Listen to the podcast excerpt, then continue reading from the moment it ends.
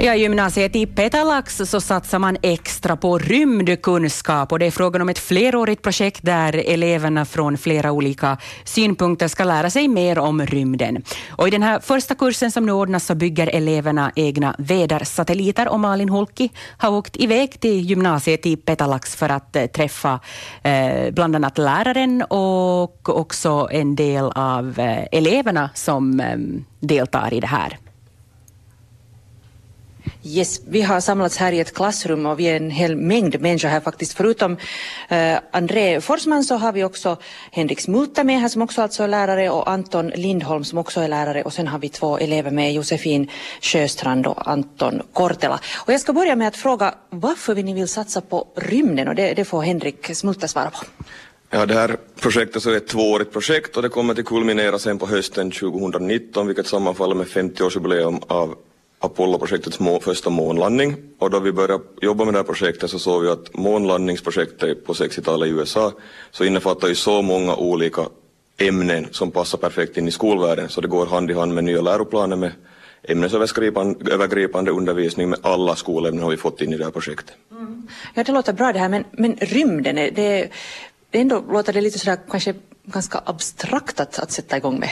Jag skulle säga att rymden är ganska konkret egentligen, speciellt om man pratar med en fysiklärare. Det låter ju, vad heter det, science fiction många gånger, men det är ju ett otroligt fantasikittlande ämne och tema.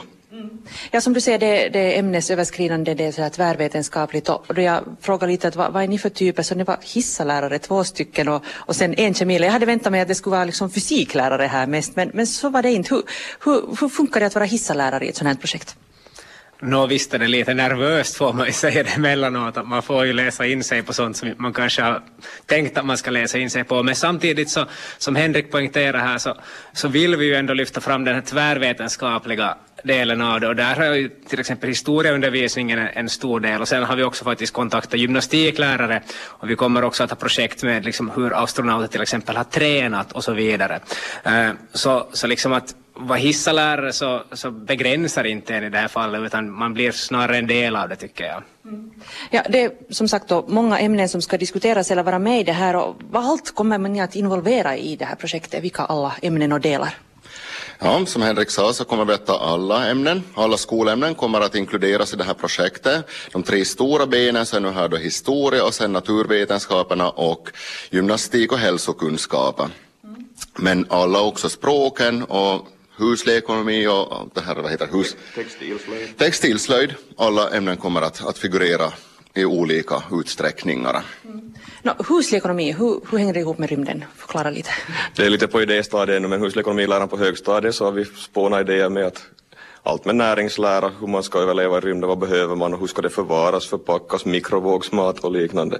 Och vi kommer till, vi är ju ett ämnes, stadieövergripande projekt också tillsammans med högstadiet, så vi kommer nästa läsår att jobba med olika små delar i, inom det här Apollo-projektets ramar, bland annat i modersmål, uppsatsskrivning med rymdtema och liknande. Mm, just det, och textil, slöjd, rymd?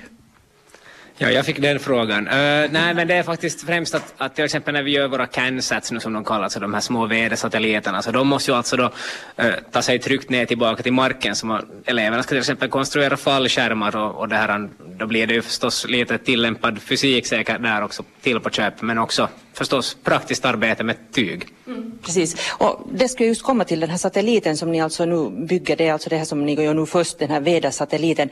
Uh, berätta lite, vad, vad är en sån här vädersatellit, vad, vad gör man med den? Ja, en CANSAT som är förkortning av Soda Can Satellite, så ett projekt lanserat uh, under NASAs regi som också anammats av ESA, alltså European Space Agency. Och, och det här ordnas fortbildningar och, och i det här och det tanken är precis att fostra ett intresse för rymd och rymdteknik bland ungdomar och studerande. Så det är, en, det är samma utrustning som finns i en riktig vädersatellit men i ett miniformat som ryms i en läskburk, därav namnet Soda Can Satellite. Mm -hmm. vad får man veta via den här satelliten? Nå, till exempel så får man veta temperaturen och och eh, så har vi en accelerometer så att liksom hastigheten kan man till exempel ta.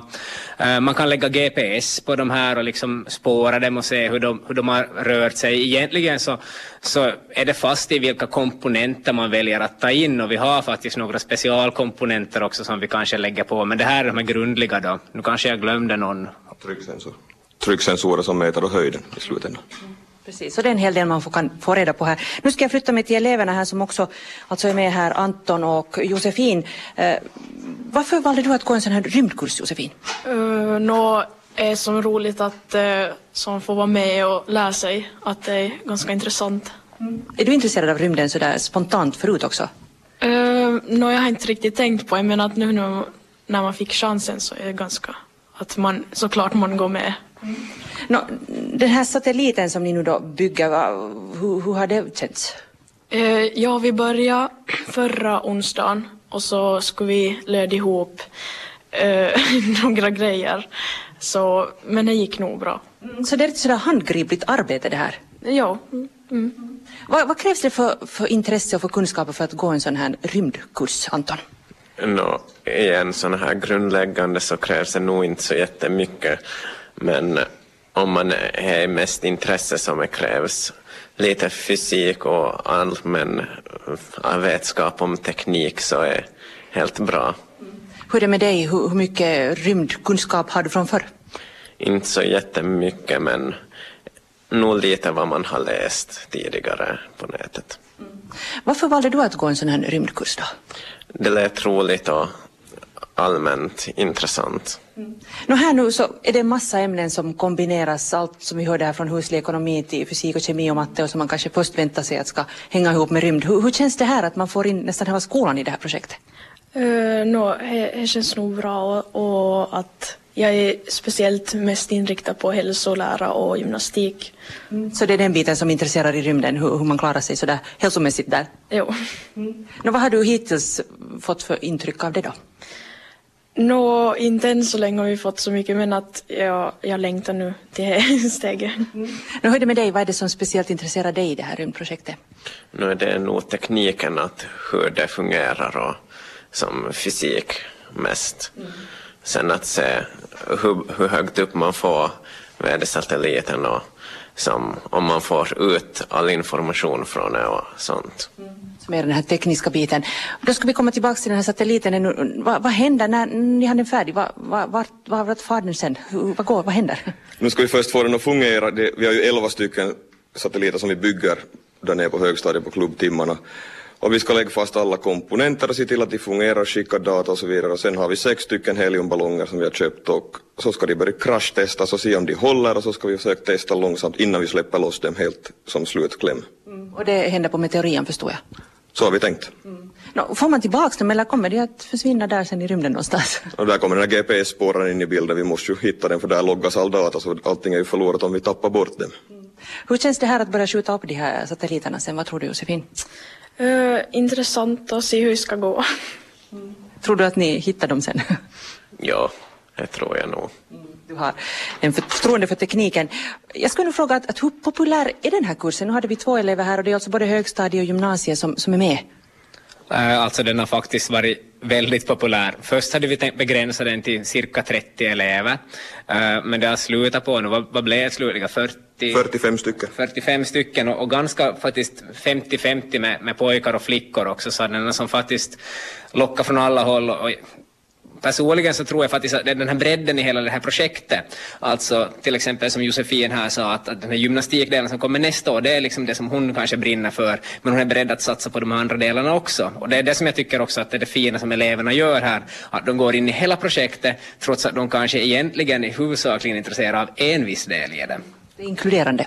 Mycket så. Mm. Och kanske misstag märker man att man är intresserad av något annat också eventuellt. Jo, jo. Kanske tekniken nu börjar intressera dig mera? Ja, nu kan jag ju säga nog. Jo.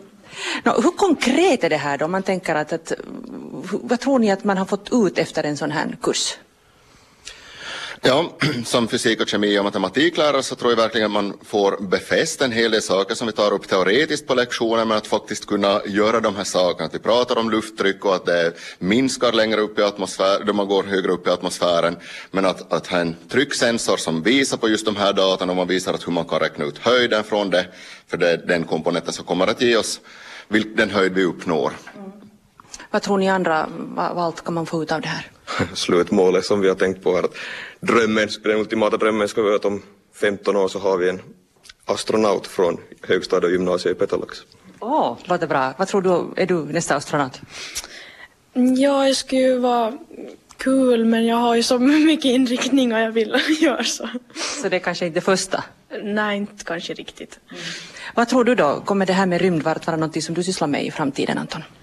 Kanske får se, det skulle vara tekniska delen då, alltså som att vi var vid rymdbasen och se till att all, allting fungerar.